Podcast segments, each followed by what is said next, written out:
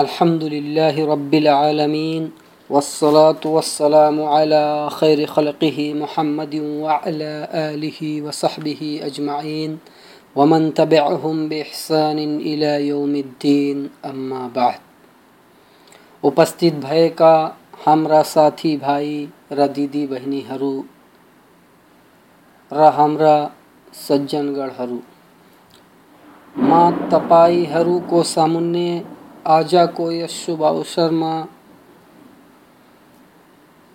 जीवनको प्रकाशको बारेमा केही कुरा गर्न खोजेको छु जसमा म तपाईँहरूलाई एक मुसलमानको विशेष रूपले र समस्त मानवगणको जीवनशैली कस्तो हुनुपर्छ त्यसबारेमा म प्रकाश पार्ने प्रयास गरेको छु मलाई आशा छ कि मेरो यस सानो वक्तव्यले तपाईँहरूलाई लाभ पुर्याओस्।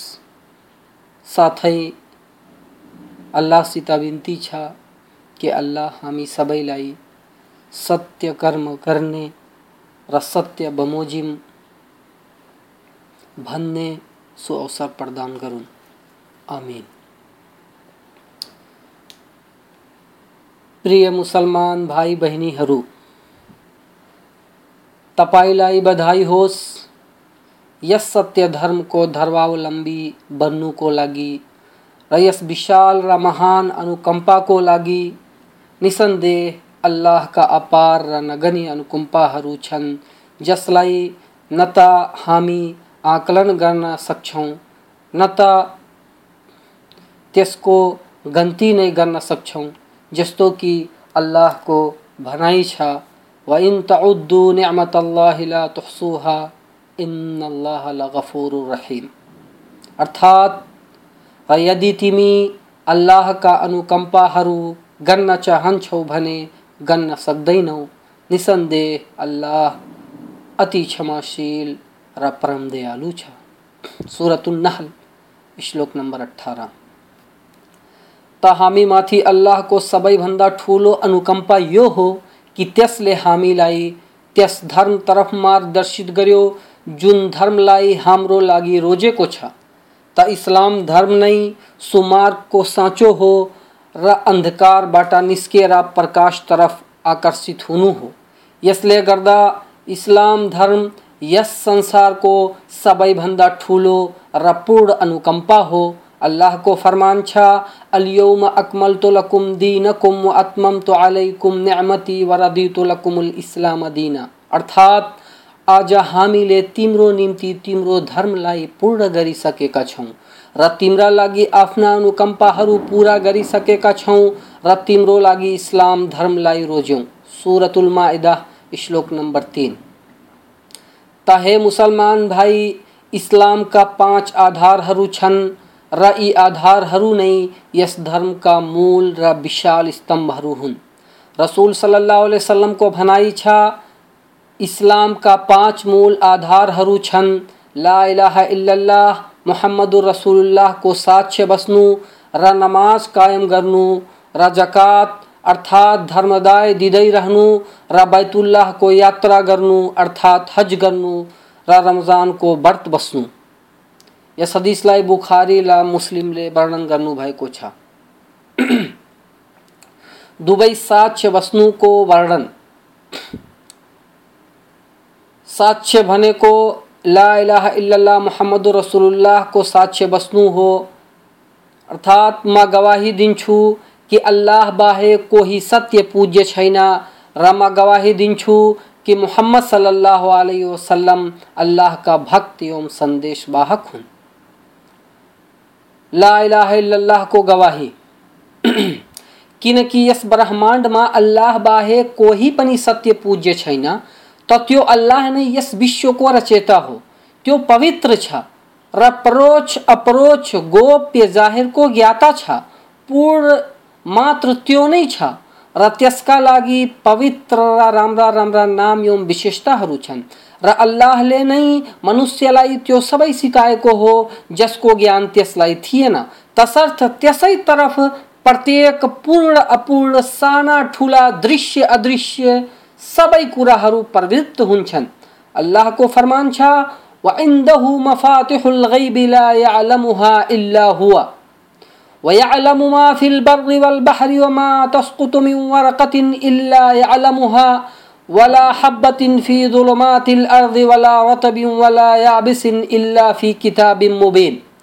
अर्थात र अदृश्य कुराको साँचो मात्र अल्लाहसँग छ, जसको बारेमा उसबाहेक अरू कसैलाई थाहा छैन।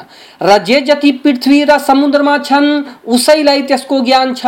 एउटा पात, झर्दा पनि उसलाई थाहा भइहाल्छ र पृथ्वीको अध्यारोमा कुनै दाना, उसको जानकारी बगैर झर्दैन।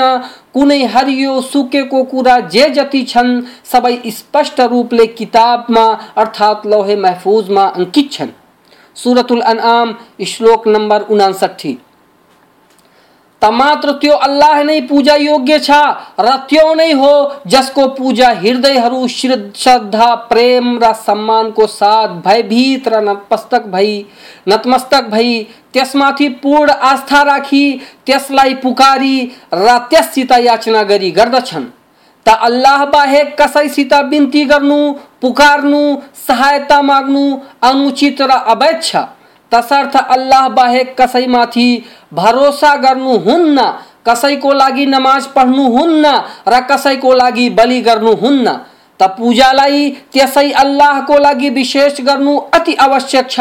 त्यो अल्लाह एक्लै छ, त्यसको कोही साझीदार र समक्षी छैन।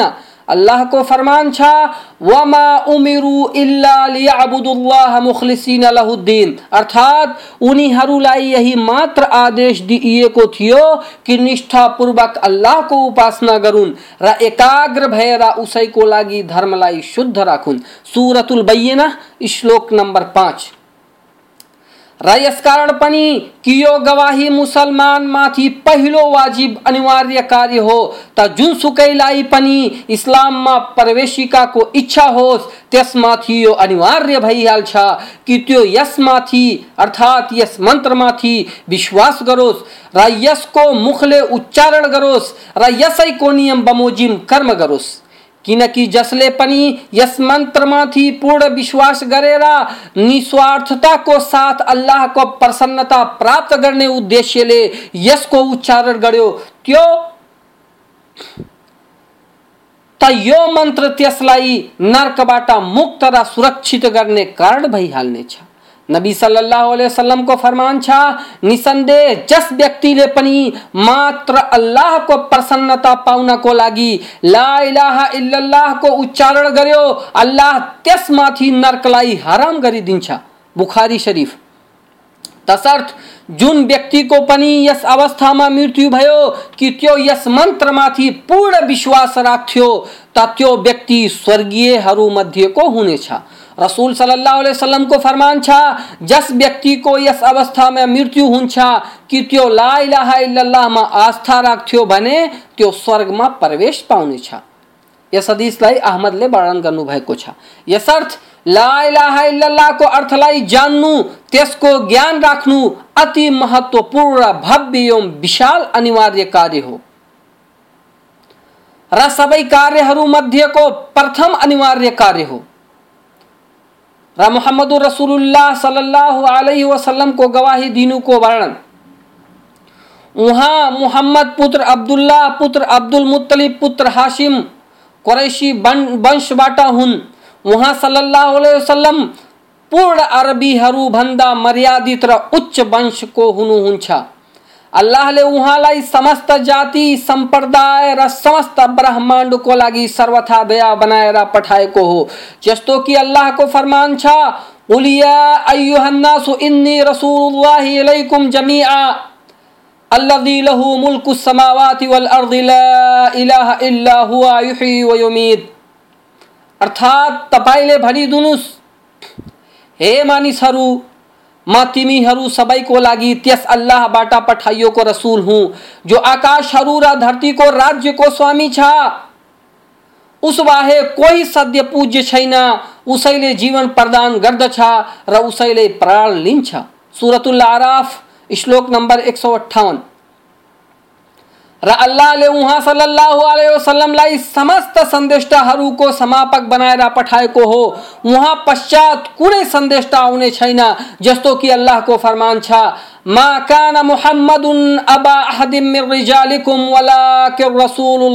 व खातमन अर्थात मानिसहरू हो, तिम्रा पुरुषहरू मध्ये कसैको पिता मोहम्मद सल्लल्लाहु अलैहि वसल्लम होइनन्, बरु उनी अल्लाहका रसूल र नबीहरूका समापक अर्थात अंतिम नबी हुन्। सुरतुल अहजाब, श्लोक नम्बर चालिस।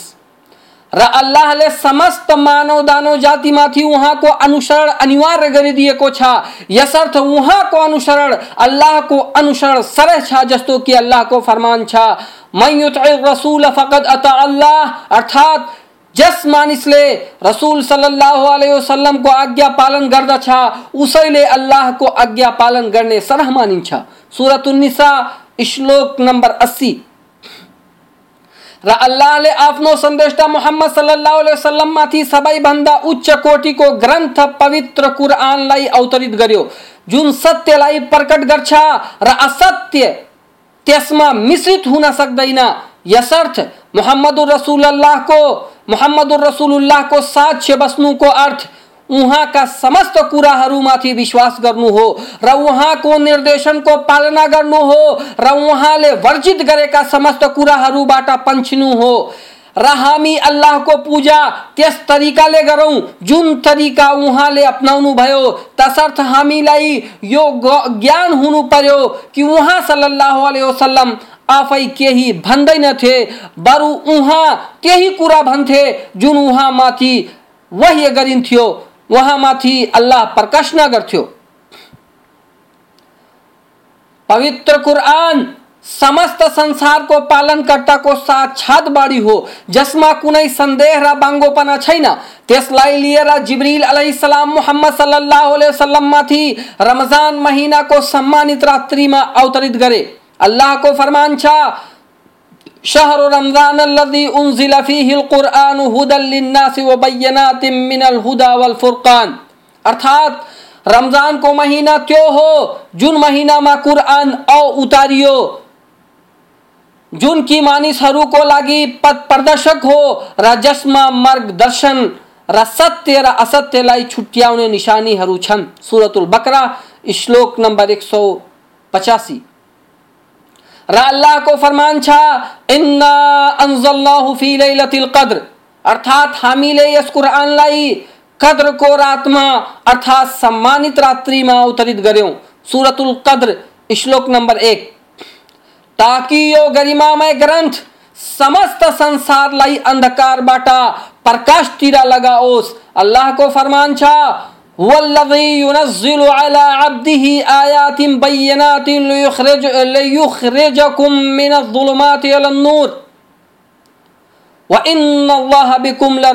रहीम अर्थात हो भक्तहरूमाथि स्पष्ट आयतहरू उतारी राखेको छ ताकि उसले तिमीलाई अन्धकारहरूबाट वास्तविकता यो हो कि अल्लाह तिमीमाथि अत्यन्त करुणामय र दयावान छ।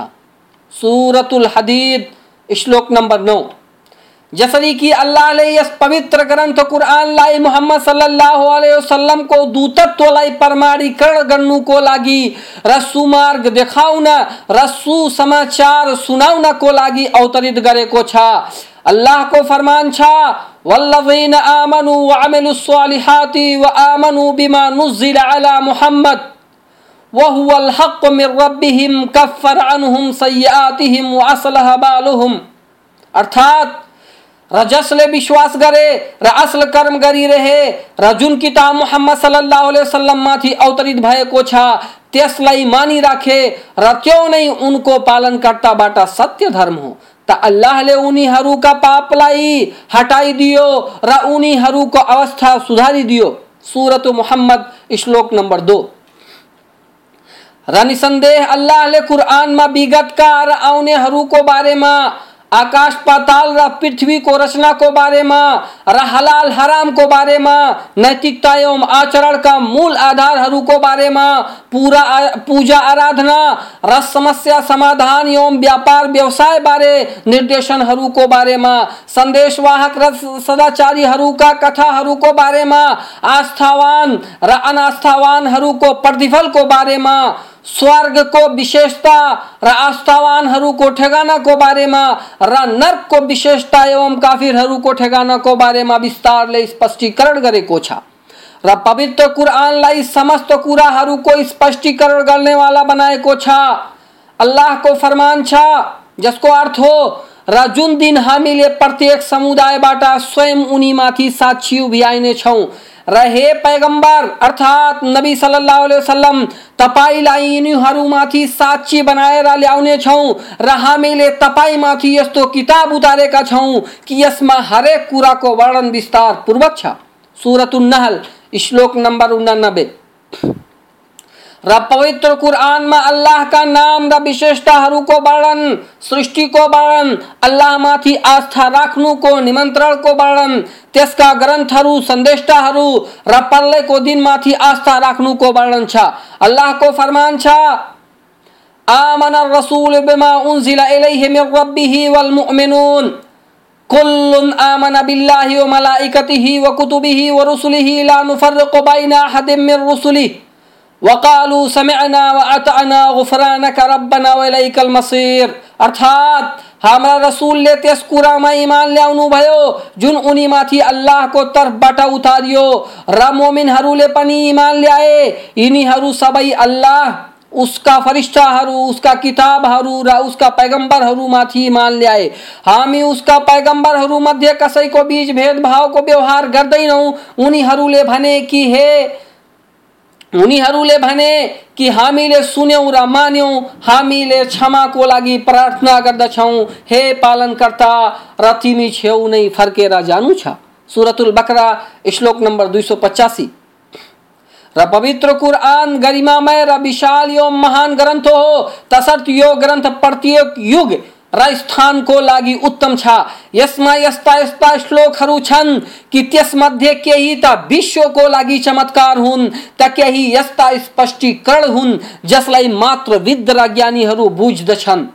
त केही भित्र र एवं एकत्रित गर्ने दिनको वर्णन छ। र हिसाब किताब। परले को महान चौर, रा महान दिन को वर्णन छा, अल्लाह को फरमान छा, अल्लाह ला इलाहा इल्ला हुआ, लयजमअन्नकुम इला यौमिल क़ियामति ला रैब फीहि व मा अस्दक़ु मिनल्लाहि हदीसा। अर्थात अल्लाह क्यों वास्तविक प्रतिपालक हो, जस बाहेक अरू कोही पूजा योग्य छैन? उसले निसन्देह प्रलयको दिन तिमी सबैलाई एकत्रित गर्नेछ जसको आउनुमा कुनै शङ्का सन्देह छैन।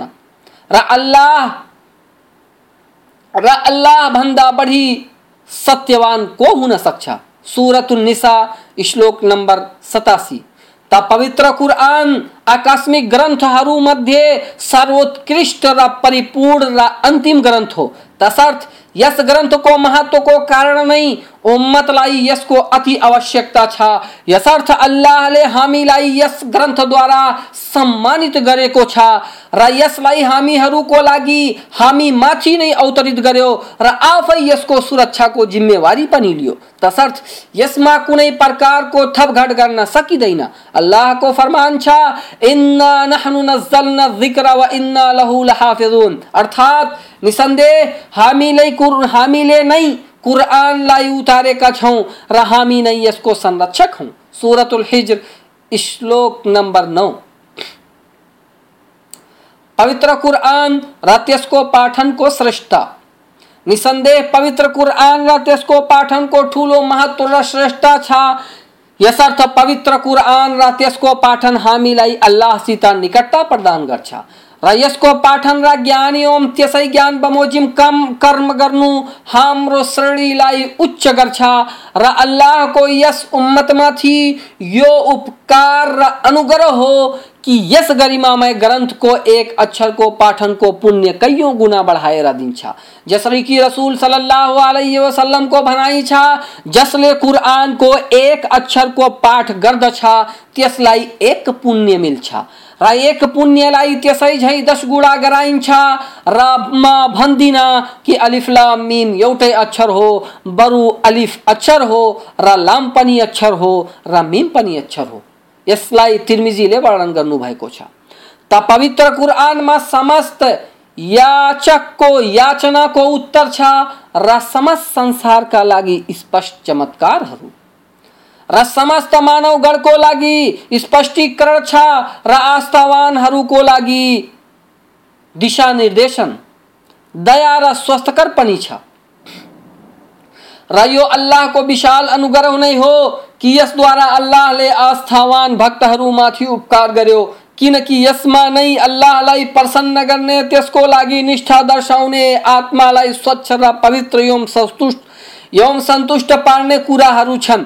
र यसमा सन्तुष्ट जीवनका माध्यम जीविकालाई फराकिलो पार्ने र सफलता एवं पुण्य कमाउने तरिका पनि छन्।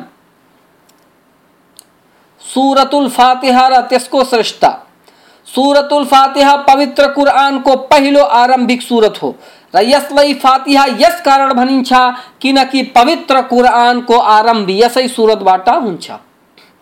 र यस सुरतको अति श्रेष्ठ हदिसहरूमा वर्णन गरिएको छ।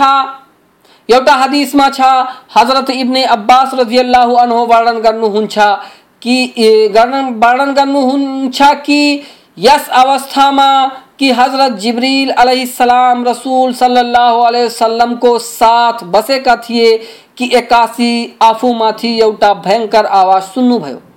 अनि आफ्नो टाउको उठाउनुभयो र भन्नुभयो यो आकाशको एउटा ढोका हो, जुन आज खोलिएको छ।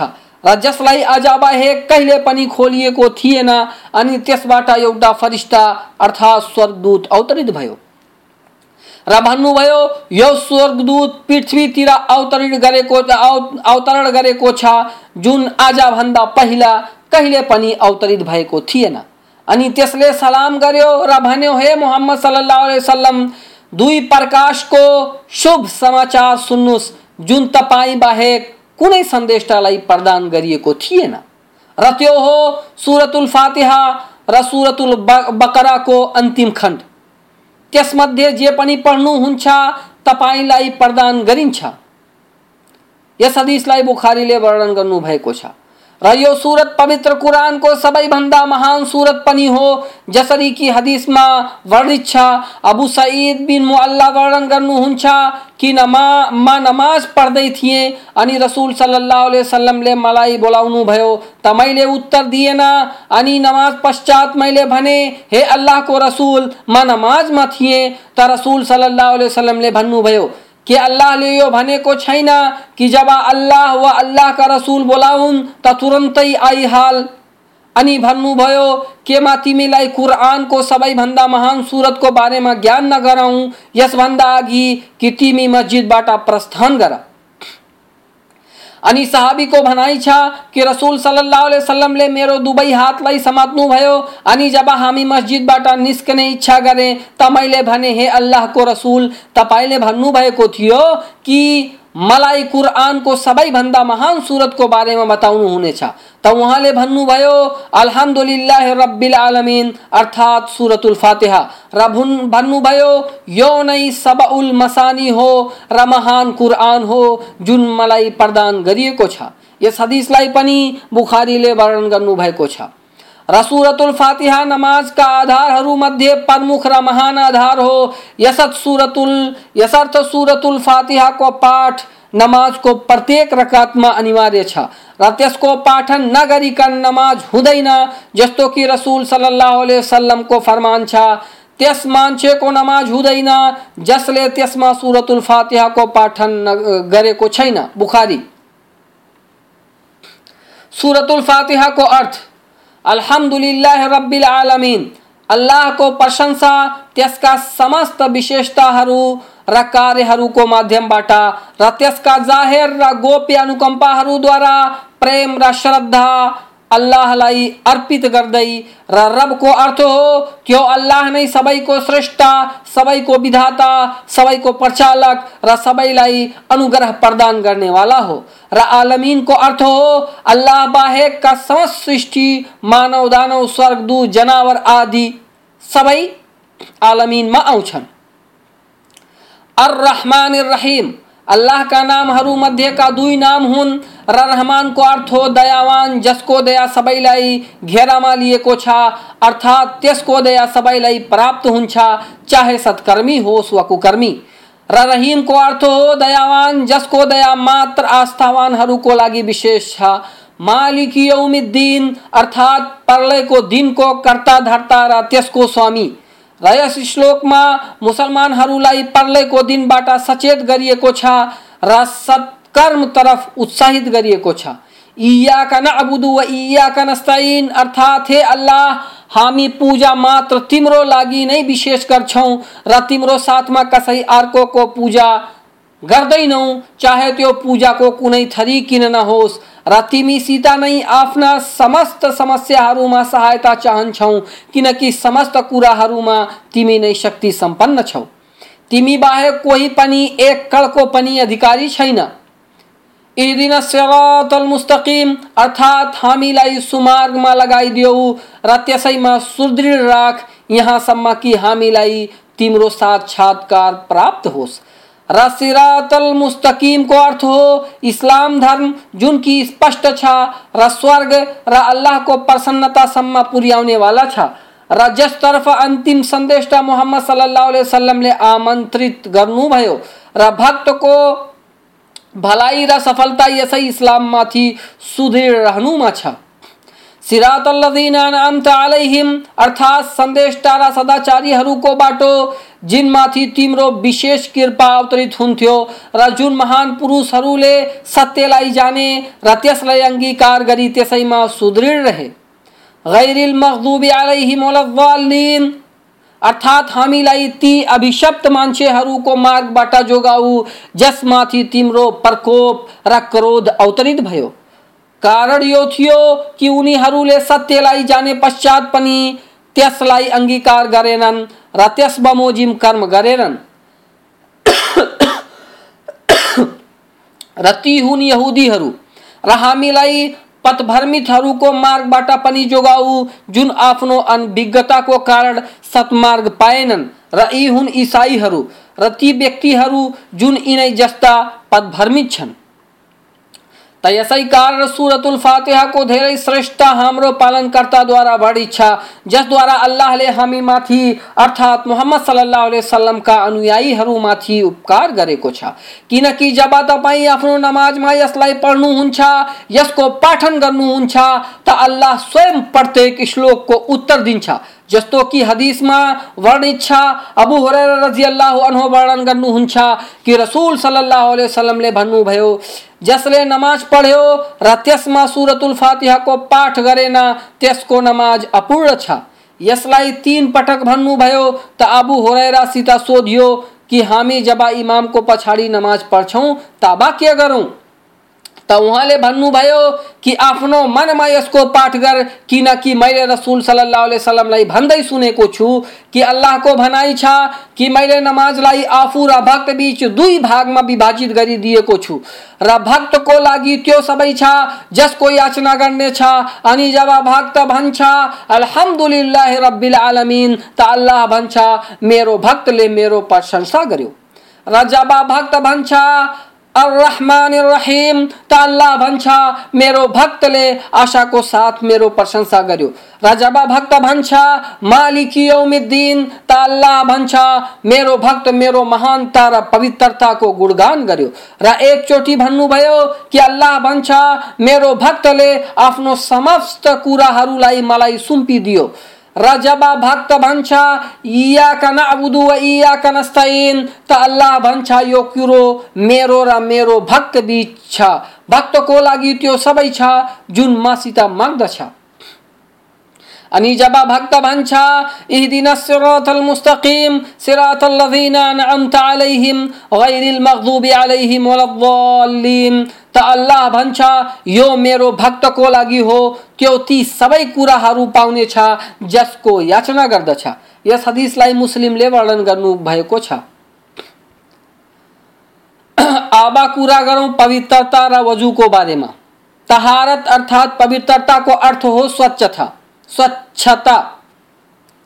अल्लाहले प्रत्येक मुसलमानलाई यो आदेश गरेको छ कि त्यो वैधानिक पवित्रता ग्रहण गरोस्।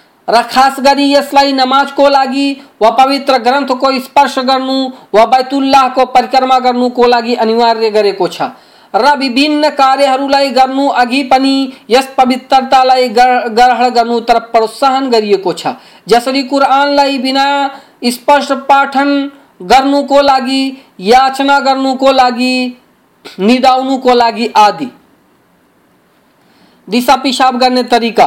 मुसलमानको लागि उत्तम कि जब त्यो शौचालय चर्पीमा प्रवेश गरोस् त आफ्नो देब्रे खुट्टालाई अगाडि गरोस् र भनोस् बिस्मिल्ला अल्लाहुम्मा इन्नी औजु बिका मिनल खुब्सी वल खबाइस अर्थात अल्लाहको नामबाट हे अल्लाह मलाई शैतान र कष्ट कष्टबाट आफ्नो शरण प्रदान गर र जब शौचालयबाट निस्कोस् त आफ्नो दायाँ पाइलालाई अगाडि राखेर भनोस् गुफरानका अर्थात् हे अल्लाह, तिम्रो कृपा र क्षमा चाहन्छु। त्यसमाथि अनिवार्य छ कि शौच गर्ने समय आफ्नो गुप्ताङ्गलाई अरू मान्छेहरूको दृष्टिबाट जोगाओस्। यस्तै मान्छे माथि अवैध छ कि त्यो सोच यस्तो ठाउँमा गरोस् जहाँ अरू मान्छेहरूलाई त्यसको यस कार्यबाट कष्ट पुगोस्। र त्यसको लागि यो पनि अवैध छ कि त्यो कुनै दुलोमा दिशा वा पिसाब गरोस्, किनकि यसो गर्नाले दुलोमा भएको जनावरलाई कष्ट पुग्न सक्छ वा त्यसै मान्छेलाई कष्ट पुग्न सक्छ। त्यसलाई चाहियो दिशा पिसाब गर्दाखेरि किबलातर्फ अनुहार वा पिठ्यू नगरोस् र यदि त्यो यस्तो सुक्खा ठाउँमा छ जहाँ कुनै पर्खाल छैन, जुन त्यसलाई लुकाओस्, त यस्तो अवस्थामा यो अनिवार्य भइहाल्छ। कि दिशा पिसाब गर्दा आफ्नो अनुहार अथवा पिठ्यू किबलातर्फ नगरोस् किनकि रसूल सल्लल्लाहु अलैहि वसल्लम को फरमान छ जब तिमी शौच गर्न जाऊ, त किबला तर्फ अनुहार नगर र जब पिसाब फेर्न जाऊ, त न त किबला तर्फ अनुहार गर, न त पिठ्यू। यस हदिसलाई बुखारी र मुस्लिम दुवैले वर्णन गर्नुभएको छ र यस्तै मान्छेमाथि यो अनिवार्य छ कि आफ्नो शरीरलाई लुगालाई दिशा पिसाबबाट बचाओस्। र यदि कतै लागिसकेको छ भने त्यसलाई धोएर स्वच्छ पारोस्। वजु। वजु र पवित्रता सर्वश्रेष्ठ कार्यहरू मध्येका हुन्। यसबाट मुसलमानको इमानमा अभिवृद्धि हुन्छ र त्यो आफ्नो पालनकर्ता र परम स्वामीको निकटता प्राप्त गर्छ अनि अल्लाह त्यसका पापहरूलाई त्यसको यस कार्यद्वारा नष्ट गरिदिन्छ। शर्त यो छ कि यस कार्यलाई गर्नुमा त्यसको नियत विशुद्ध होस्। र त्यो यस कार्यबाट अल्लाहबाट राम्रो प्रतिफलको अभिलाषी होस्। रसूल सल्लल्लाहु अलैहि वसल्लम को फरमान छ, जब मुसलमान भक्त वज़ू गर्छ अनि जब आफ्नो अनुहार धुल्छ त त्यसको अनुहारबाट ती सबै पापहरू पनि पानीको साथ झरिहाल्छन् जसलाई त्यसले आफ्नो दृष्टिले हेरेको छ। अनि जब आफ्नो दुवै हातलाई धुल्छ अर्थात् पखाल्छ त पानीको साथ दुवै हातबाट ती सबै पापहरू झरिन्छन्, जसलाई त्यसले हातबाट समातेको हुन्छ। र जब त्यो आफ्नो दुवै खुट्टालाई धुल्छ त ती सबै पापहरू खुट्टाका पानीको साथ झरिहाल्छन्, जसतर्फ त्यो खुट्टाद्वारा हिँडेको थियो अनि त्यो व्यक्ति पाप मुक्त भइहाल्छ। यस हदिसलाई मुस्लिमले वर्णन गर्नुभएको छ। जब मुसलमान व्यक्ति वज़ू गर्ने इच्छा गरोस्, त वज़ू गर्ने नियत गरिहालोस्, अर्थात् आफ्नो हृदयमा यो नियत गरोस् कि म यस वजूद्वारा पवित्रता चाहन्छु। र नियत समस्त कार्यहरूको लागि शर्त छ, जस्तो कि रसुल सल्लल्लाहु अलैहि वसल्लमको फरमान छ, इन्नमल आमालो बिन्नियात, समस्त कार्यहरू नियतमा नै निर्भर छन्। यस हदिसलाई बुखारी र मुस्लिम दुवैले वर्णन गर्नुभएको छ। अनि निम्नमा वर्णन गरिएका तरिकाले कर्मशः र श्रृङ्खलाबद्ध तरिकाले वजु गरोस्, अर्थात् जसलाई म अहिले वर्णन गर्दछु, त्यसै तरिकाले श्रृङ्खलाबद्ध तरिकाले वजु गरोस्। रयस कर्ममा धेरै विलम्ब नगरोस् कि पहिला धोएको अङ्ग दोस्रो अङ्गलाई धुने समय सुकिहालोस् नम्बर एक, पहिला बिस्मिल्ला बनोस्। नम्बर दो आफ्नो हत्केलीलाई तीन पटक पानीले पखालोस्। नम्बर तीन पानीले कुल्ला गरोस्। अर्थात् पानी आफ्नो मुखमा हालेर त्यसलाई मुखभित्रै यताउता हल्लाओस्, अनि त्यसलाई मुखबाट निकालोस्। र यो कर्म तीन पटक गर्नु उत्तम छ, तर अनिवार्य एक पटक गर्नु नै हो। नम्बर चार, नाकमा पानी हाल्नु, अर्थात् पानीलाई आफ्नो नाकले सोसोस्, खिचोस् अनि त्यसलाई बलपूर्वक हावाको जोरले बाहिर निकालोस्। र यस कर्मलाई अत्याधिक चोटी गर्नु राम्रो मानिन्छ, तर यदि कुनै कष्टको खतरा होस् वा मान्छे व्रत बसेको होस् भने यस कर्मलाई अधिक नगरोस्। तर शून्य तीन चोटी गर्नु हो र वाजिब अर्थात् अनिवार्य मात्र एक चोटी नै छ। नम्बर पाँच, अनि आफ्नो अनुहारलाई धोओस्। र अनुहारको अर्थ हो टाउको अघिल्लो कपालको जरोदेखि दाढीसम्म र एक कानदेखि अर्को कानसम्म। तर कान अनुहार मध्येबाट होइन। र सुन्नत यो हो कि यस धुने कार्यलाई तीन पटक गरोस्, तर अनिवार्य मात्र एक पटक नै छ। नम्बर छ, अनि आफ्नो दुवै हातलाई औँलाको किनारादेखि कोइनोसम्म धोओस् र कोइनो हातमा नै साम, सामेल छ र यो कार्य तीन पटक गर्नु सुन्नत हो, तर वाजिब मात्र एक पटक नै छ। नम्बर सात, अनि टाउको मसाह गरोस् र मसाहको अर्थ हो आफ्नो दुवै हातको पन्जालाई पानीले भिजाई टाउको अघिल्लो भागदेखि स्पर्श गर्दै पछाडिको भागसम्म लगोस्, अनि फेरि त्यसै त्यस्तै अगाडिसम्म फिर्ता ल्याओस्। तर यस कर्मलाई मात्र एकचोटि गर्नु नै वैधानिक हो। तिनचोटि गर्नु अवैधानिक छ, जस्तो कि अरू अङ्गहरूलाई गरिन्छ।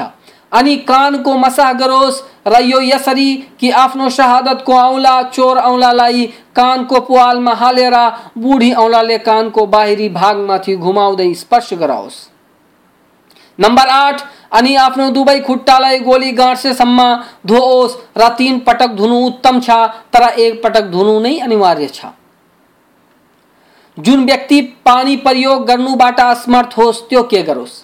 इस्लामको उदारता र सुगमताले गर्दा जुन मुसलमान व्यक्ति बिरामी वा कुनै कारण वजु वा स्नान गर्नुको लागि पानी प्रयोग गर्न सक्दैन, त्यसलाई यो अनुमति छ कि त्यो पानीको सट्टा माटोलाई तयम तयम्मुम गरोस्। माटोद्वारा तयम्मुम गरोस्। अथवा पानी उपलब्ध छैन, वा पानी सिद्धिसकेको छ, वा मात्र पिउनको लागि नै पर्याप्त छ भने यस्तो अवस्थामा पनि तयम्मुम गरोस्। यहाँसम्म कि पानी उपलब्ध भइजाओस्, वा त्यसको रोग सन्चो भइहालोस्, र त्यो पानी प्रयोग गर्नुमा सूक्ष्म भइहालोस्। र तयम्मुमको अर्थ हो, आफ्नो दुवै हातलाई एकचोटि पवित्र माटोमाथि हानोस् अनि त्यसलाई आफ्नो अनुहारमा मसह गरोस् र आफ्नो दुवै हत्केलीलाई एक अर्काबाट मसह गरोस्। अब पवित्रता पछि नमाजको बारेमा कुरा गरौँ। नमाजको अर्थ, वास्तवमा नमाजको अर्थ हो याचना। भक्त र त्यसको स्रष्टा पालनहार बिचको श्रद्धा निकटता र संलग्नता।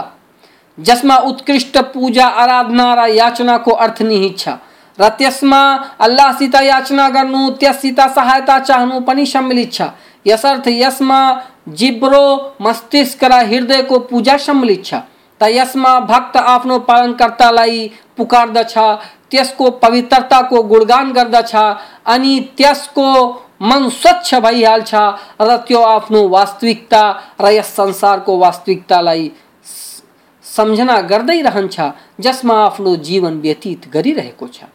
र आफ्नो स्वामीको महानताको आभास गर्दछ, र आफूमाथि त्यसको अनुग्रहको साक्षात दर्शन गर्दछ, र यो नमाज़ त्यस व्यक्तिलाई अल्लाहको धर्म इस्लाममाथि सुदृढ रहनुमा उत्साहित गर्दछ। र पाप एवं अवज्ञाबाट टाढा राख्दछ, जस्तो कि अल्लाहको फरमान छ इन सलात तनहा अनिल फहशा। अर्थात् निसन्देह नमाज़ अश्लीलता र नराम्रो कुराबाट रोक्दछ सूरतुल अनकबूत, श्लोक नंबर पैंतालीस। र नमाज़ इस्लामका आधारहरूमध्ये दोस्रो महत्त्वपूर्ण आधार हो र यो त्यो आधार हो जसमाथि अरू आधारहरूको जग छ। अनिवार्य पाँच नमाजहरू र त्यसका समयहरू अल्लाह मुसलमान व्यक्ति माथी दिन रा रात्रि में, अर्थात चौबीस घंटा में, पाँच बखत को नमाज़ अनिवार्य करे को छा नमाज़ त्यसको धर्म को स्तंभ हो। र अल्लाहले यी नमाजहरूका स्पष्ट समय सीमा निर्धारित गरेको छ जुन निम्न हुन्। फज्र नमाज़। फज्र नमाज़ दुई रकात छ यसको समय फज्र उदयदेखि देखी अर्थात आकाश को पूर्वी किनारमा प्रकाश उदय हुने समयदेखि सुरु उदय सुरु उदयसम्म हो। जोहर को नमाज़। चार रकात छ यसको समय सूर्य ढले पश्चात आरंभ हुन्छ र जब प्रत्येक वस्तुको छाया त्यसैको बराबर भइहाल्छ त यसको समयको अन्त भइहाल्छ असरको नमाज़। चार रकात छ, र यसको समयको आरंभ जोहरको समय सिद्धे पश्चात हुन्छ अर्थात् जब प्रत्येक वस्तु को छाया त्यसै बरोबर भइहाल्छ त असरको समयको आरंभ हुन्छ र सूर्य अस्ताए बित्तिकै यसको समय समाप्त भइहाल्छ मगरिब को नमाज़ तीन रकात छ।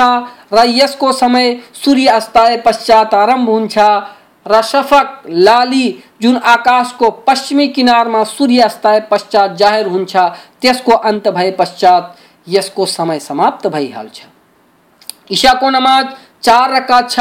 र यसको समय शफकको लाली समाप्त भए पश्चात आरंभ हुन्छ र मध्यरात्रिसम्म यसको समय रहन्छ र कुनै कारणवश विलम्ब भएमा यसको समय फजरको अजानसम्म हो। र व्यक्ति यसलाई फजरको अजानभन्दा अलि अघिसम्म पढ्न सक्छ। र अनिवार्य नमाजहरूमध्ये केहीलाई त गोप्य तरिकाले पढिन्छ। त केही ज़ाहिर गरेर। त केही का केही रका ज़ाहिर गरेर, र केहीलाई गोप्य तरिकाले। जसरी जोहर असर का समस्त रकातहरू गोप्य पढिन्छ, र गोप्यको अर्थ हो, नमाज़ पढ्दा यस्तो मसिनो स्वरमा पाठन गर्नु कि मात्र स्वयं आफै सुनोस्। र मगरिब र इशाको नमाजका पहिलाका दुई आरम्भिक रकातहरूलाई ज़ाहिर गरेर पढिन्छ र ज़ाहिर गर्नुको अर्थ हो ठुलो स्वरमा पाठन गर्नु। र बाँकी रकातमा गोप्य रूपले पाठन गरिन्छ र फजर नमाजका दुवै रकातलाई ज़ाहिर गरेर पढिन्छ जब मुसलमान व्यक्ति नमाज़ पढ्नुको लागि आओस् त जुन कुरा अहिलेमा वर्णन गर्न छु त्यसलाई अनिवार्य रूपमा गरोस्, ताकि त्यसको नमाज़ सही र पूर्ण होस्। नंबर एक मुसलमान माथि यो अनिवार्य छ कि तो पवित्र र वज़ू गरे गरेको होस्, ताकि नमाज़ सही होस्। जस्तो कि रसूल सल्लल्लाहु अलैहि वसल्लमको फरमान छ, जसको वज़ू छैन, त्यसको नमाज़ पनि हुँदैन। यसलाई अबु दाउदले वर्णन गर्ने, गरेका छन्। नम्बर दो, किबला। अर्थात बैतुल्लाह तरफ़ मुख गर्नु। जस्तो कि अल्लाहले आफ्नो प्रिय संदेशटा मोहम्मद सल्लल्लाहु अलैहि वसल्लमलाई निर्देशित गर्दै भन्नुभयो वमे हैसु खरजत फवल्ल वजहक शतरल मस्जिदिल हराम।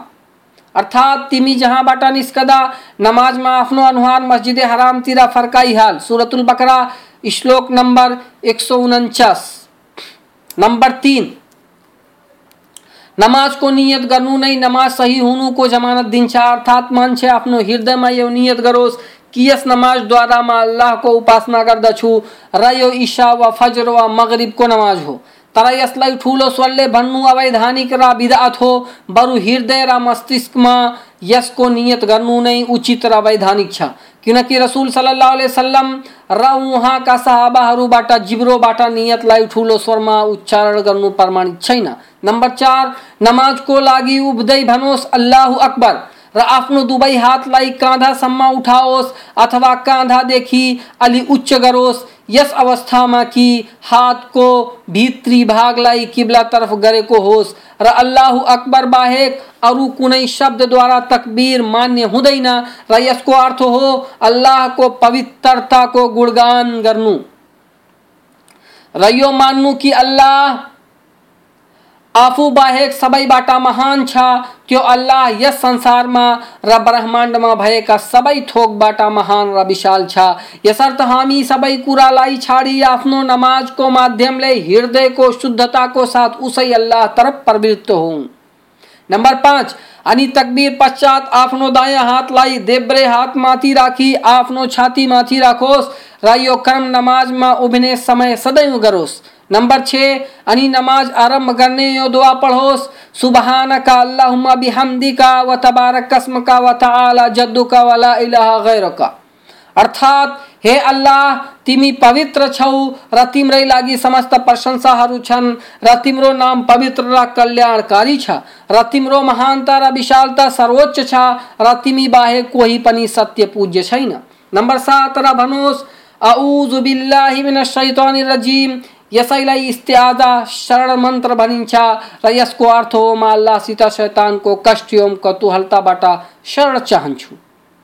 नंबर आठ, अनि भनोस् बिस्मिल्लाह रहमान रहीम र यसको अर्थ हो, म आरंभ गर्दछु अल्लाहको नामको, कल्याणको, सहायताको अभिलाषी भई, जुन अत्यन्त दयालु एवं कृपालु छ। नंबर नौ, अनि सुरतुल फातिहा को पाठन करोस र सुरतुल फातिहा पवित्र कुरान को सर्वोत्कृष्ट सूरत हो। र अल्लाहले यसलाई आफ्नो रसुल मुहम्मद माथि अवतरित गरी उहाँलाई सशक्त बनाएको हो, जस्तो कि अल्लाहको भनाइ छ। वलकद आतैना का सब अमिनल मसानी वल कुरान अजीम। अर्थात, निसन्देह हामीले तपाईँलाई सात आयतहरू प्रदान गरेका छौँ, जुन कि नमाजमा दोहोऱ्याएर पढिन्छ। र गरिमापूर्ण कुरान पनि प्रदान गरेका छौँ। सुरतुल हिज्र श्लोक नम्बर सतासी। र सुरतुल फातिहालाई सबउल मसानी, यस कारण भनिन्छ किनकि यस सुरतमा सात श्लोकहरू छन्। यसर्थ यसको ज्ञान प्राप्त गर्नु प्रत्येक मुसलमानमाथि अनिवार्य छ। प्रत्येक मुसलमानमाथि अनिवार्य छ।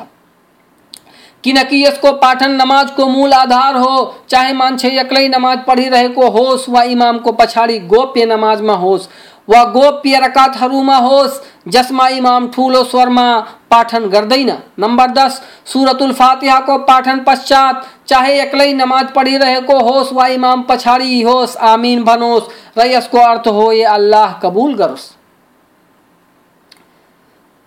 हे अल्लाह कबूल कर नंबर ग्यारह, अनि सुरतुल फातिहा पश्चात कुनै सानो तिनो सुरतको वा केही श्लोकहरूको पाठन गरोस्।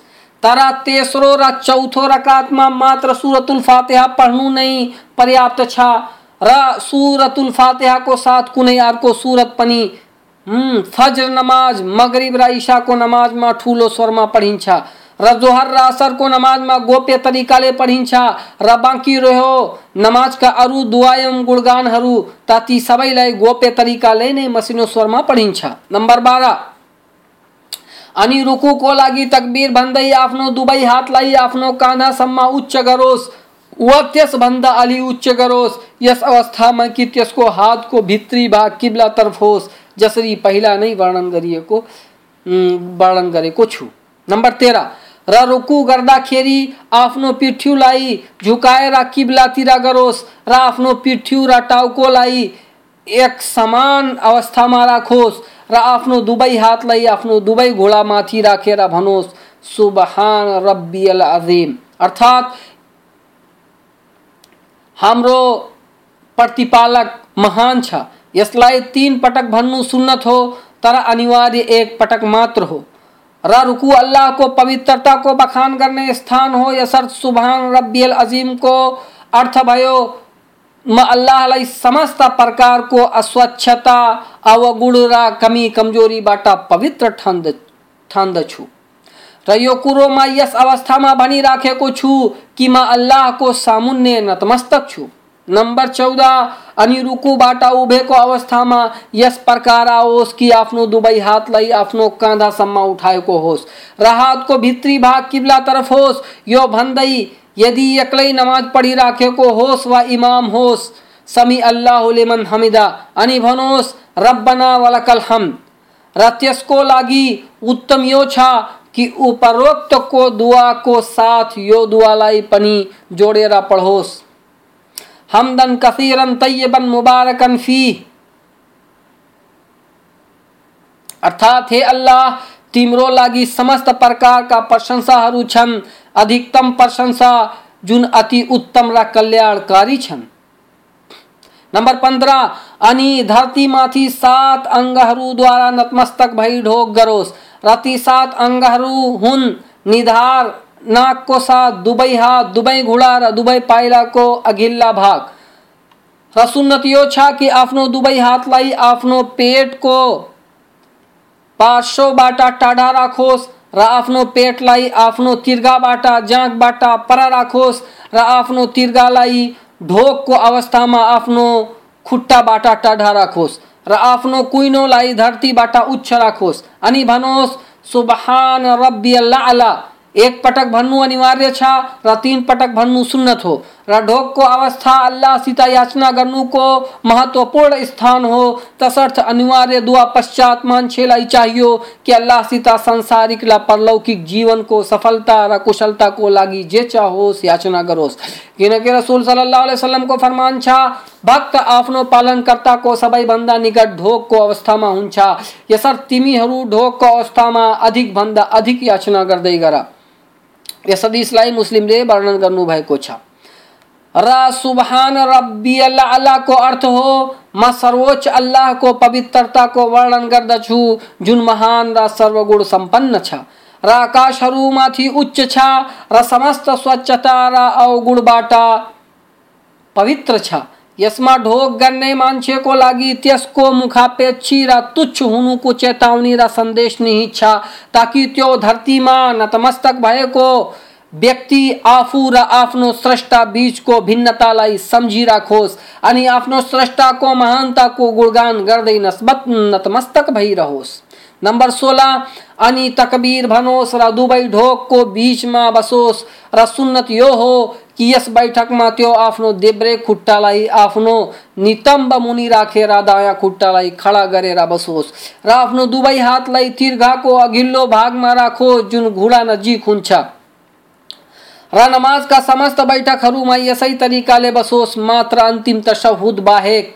र यसमा बस्ने तरिका यो हो कि आफ्नो दायाँ खुट्टालाई ठाडो राखोस्, र देब्रे खुट्टामा नबसिकन त्यसलाई नितम्बको तलाबाट अर्को तर्फ पसारोस्, र भुइँमाथि नितम्ब राखी बसोस्। तर यदि कुनै मान्छे कुनै कारणले उपरोक्तमा वर्णन गरिएको तरिकाले बस्न सक्दैन भने यसै जस्तो मिल्दो तरिकाले बसोस्, जसमा त्यसलाई शान्ति र सन्तुष्टि प्राप्त होस्। र त्यो यस बसाइमा सूक्ष्म होस्, र दुवै ढोकको बिचको बसाइमा यो भनोस्, रब्बिगफिरली वरहमनी वहदिनी वरजुकनी वजबुरनी व आफिनी अर्थात हे अल्लाह, मलाई क्षमा प्रदान गरा ममाथि कृपा गरा मलाई सुमार्गी बनाइदियो मलाई अनुकम्पा एवं जीविका प्रदान गर र मलाई निष्प्रह एवं समृद्ध बनाइदियो र मलाई समस्त विपत्तिहरूबाट सुरक्षित राख। नंबर सत्रह, अनि पहिला झैँ दोस्रो पटक ढोक गरोस् नंबर अठारह, अनि दोस्रो ढोकबाट उभ्दै अल्लाह अकबर भनोस्, र दोस्रो रकत पनि, पहिलो रकत झैँ पूर्णतया पढोस्, र उस्तै उभोस्, र रुकु, र ढोक गरोस्। आरंभ को दुआ बाहेक सबै गरोस्। नंबर उन्नाइस दूसरो रकत को दूसरो ढोक पश्चात पहिलो तशहुद को लागि बसोस्। र यस दुआ को पाठन गरोस्। अत्तहियातु लिल्लाहि वस्सलवातु वत्तय्यबातु अस्सलामु अलैका अय्युहन नबिय्यु व रहमतुल्लाहि व बरकातुह अस्सलामु अलैना व अला इबादिहिल्लाहि स्वालिहीन। अशहदु अल्ला इलाहा इल्लल्लाह व अशहदु अन्न मुहम्मदन अब्दुहु व रसूलुह। नंबर बीस, अनि बाकी नमाजलाई पूर्ण गरोस्। यदि नमाज़ तीन वा चार रकात को होस्, त तेस्रो र चौथो रकातमा मात्र सुरतुल फातिहाको पाठन मसिनो स्वरमा गरोस्। र आफ्नो नमाजलाई उपरोक्तमा वर्णन गरी गरिएका विधिहरू अनुसार पूर्ण गरोस्। नंबर इक्कीस, अनि अन्तिम रकातको दोस्रो ढोक पश्चात अन्तिम तशहुदको लागि बसोस्। र यस बैठकको तरिका अघि नै वर्णन गरिएको छ। तर यस तशहुदमा पहिला तशहुदमा पाठन गरिएको दुवाको साथ निम्नको दुवाहरूलाई पनि थपेर पढ्नु उत्तम मानिन्छ। अल्लाहुम्मा सल्ली अला मुहम्मद व अला आलि कमा सल्लैत अला इब्राहिम व अला आलि इब्राहिम इन्नका हमीदुम मजीद वबारिक अला मुहम्मद व अला आलि मुहम्मद कमा बारकत अला इब्राहिम व अला आलि इब्राहिम इन्नका हमीदुम मजीद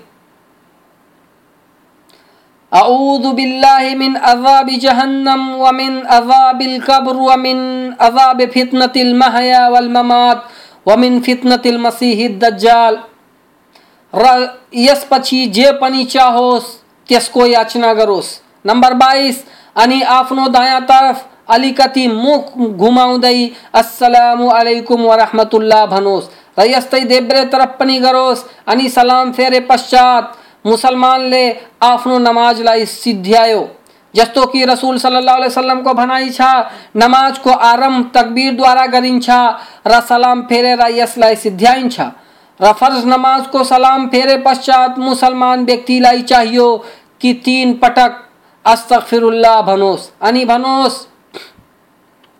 अल्लाहुम्मा अंतस्सलाम मिनकस्सलाम तबारक तयादल जलाल वल इकराम। अल्लाहुम्मा ला मानि लिमा अतैत वला मुअति लिमा मनात वला यनफउ वल जद्द मिनकल जद्द। अनि सुबहान अल्लाह तैतीस पटक, अल्हम्दुलिल्लाह तैतीस पटक। र अल्लाहु अकबर। तैतीस पटक भनोस ला शरीक मुल्क व हम्दु अला कुल्लि शैइन कदीर भन्दै सङ्ख्यालाई पूर्ण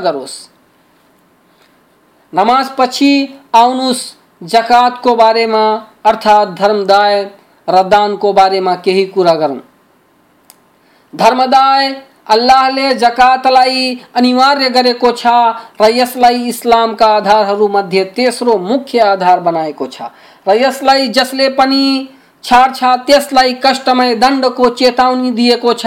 र इस्लामीय भाइचारा र एकतालाई प्रचलित गर्नुको लागि यस जकातलाई अनिवार्य गरिएको छ। र यसै जकातद्वारा मुसलमानहरूको भाइचारालाई सशक्त गरिएको छ। अल्लाह तबारक तालाले यसै कारण यसलाई नमाजको साथै वर्णन गरेका छन्। अल्लाहको फरमान छ, फ़इन तामु अकामुस सलात व आतुज ज़कात फ़इख्वानुकुम फिद्दीन अर्थात्, अहिले पनि यिनीहरूले प्रयासित गर्छन् र नियमित नमाज़ कायम गर्दछन् रका र जकात दिन्छन् त धर्ममा तिम्रा दाजुभाइ हुन्। सुरत तौबा, श्लोक नम्बर ग्यारह। र नबी सल्लल्लाहु अलैहि वसल्लमको फरमान छ इस्लामको जग पाँच आधारहरूमाथि निर्भर छ। ला इलाहा इल्लल्लाह मुहम्मद रसुल्लाहको साक्ष्य बस्नु नमाज़ कायम गर्नु जकात दिनु अल्लाहको घरको यात्रा गर्नु र रमज़ान महिनाको व्रत बस्नु। यसलाई बुखारी र मुस्लिमले वर्णन गर्नुभएको छ। र अल्लाह अल्लाहद्वारा मुसलमानहरूमाथि जकात अनिवार्य गर्नुका महान उद्देश्यहरू छन् जसमध्ये केहीलाई म वर्णन गर्दछु धन संपत्ति को प्रेम र चाहना मनुष्यको स्वाभाविक इच्छा हो, जुन जुन मनुष्यलाई सम्पत्तिलाई बचाएर राख्नुमा बाध्य गरिदिन्छ। यसै कारण इस्लामीय विधानले धर्मदाय दिनुलाई अनिवार्य गरेको छ, ताकि मनुष्यको आत्मालाई कन्जुसी र अनावश्यक लालसा जस्तो अवगुणबाट पवित्र राखोस् र संसारिक शोभा र मोहमायाबाट मुक्त गरोस्। अल्लाहको फरमान छ खुद मिन अमवालिहिम सदकतन तुतहिरहुम व तुजक्कीहिम बिहा। अर्थात् तिनीहरूको सम्पत्तिबाट तपाईँले सदका धर्मदाय लिनुहोस् जसबाट तिनीहरूलाई तपाईँले शुद्ध र पवित्र गरिदिनुहोस् सुरत तौबा, श्लोक नम्बर एक सौ तिन। अब, अगाडि बढ्नुको लागि समय छैन। अब नमाजको समय हुन गएको छ। यसले गर्दा म जकातको बारेमा इन्सा अल्लाह अर्को समय कुरा गर्नेछु यसले गर्दा म आफ्नो कुरालाई यतै टुङ्ग्याउँछु मेरो अल्लाहसित बिन्ती छ कि अल्लाह हामी सबैलाई सत्य भन्ने र सत्य बमोजिम कार्य गर्ने तोफिक प्रदान गरून् र हामी सबैलाई इस्लामको अनुयायी बनाई, त्यसै बमोजिम कार्यरत रही स्वर्ग स्वर्गमा प्रवेश करने सौभाग्य प्रदान करुन आमीन। वाखरुद्दावान अनिल रब्बिल आलमीन।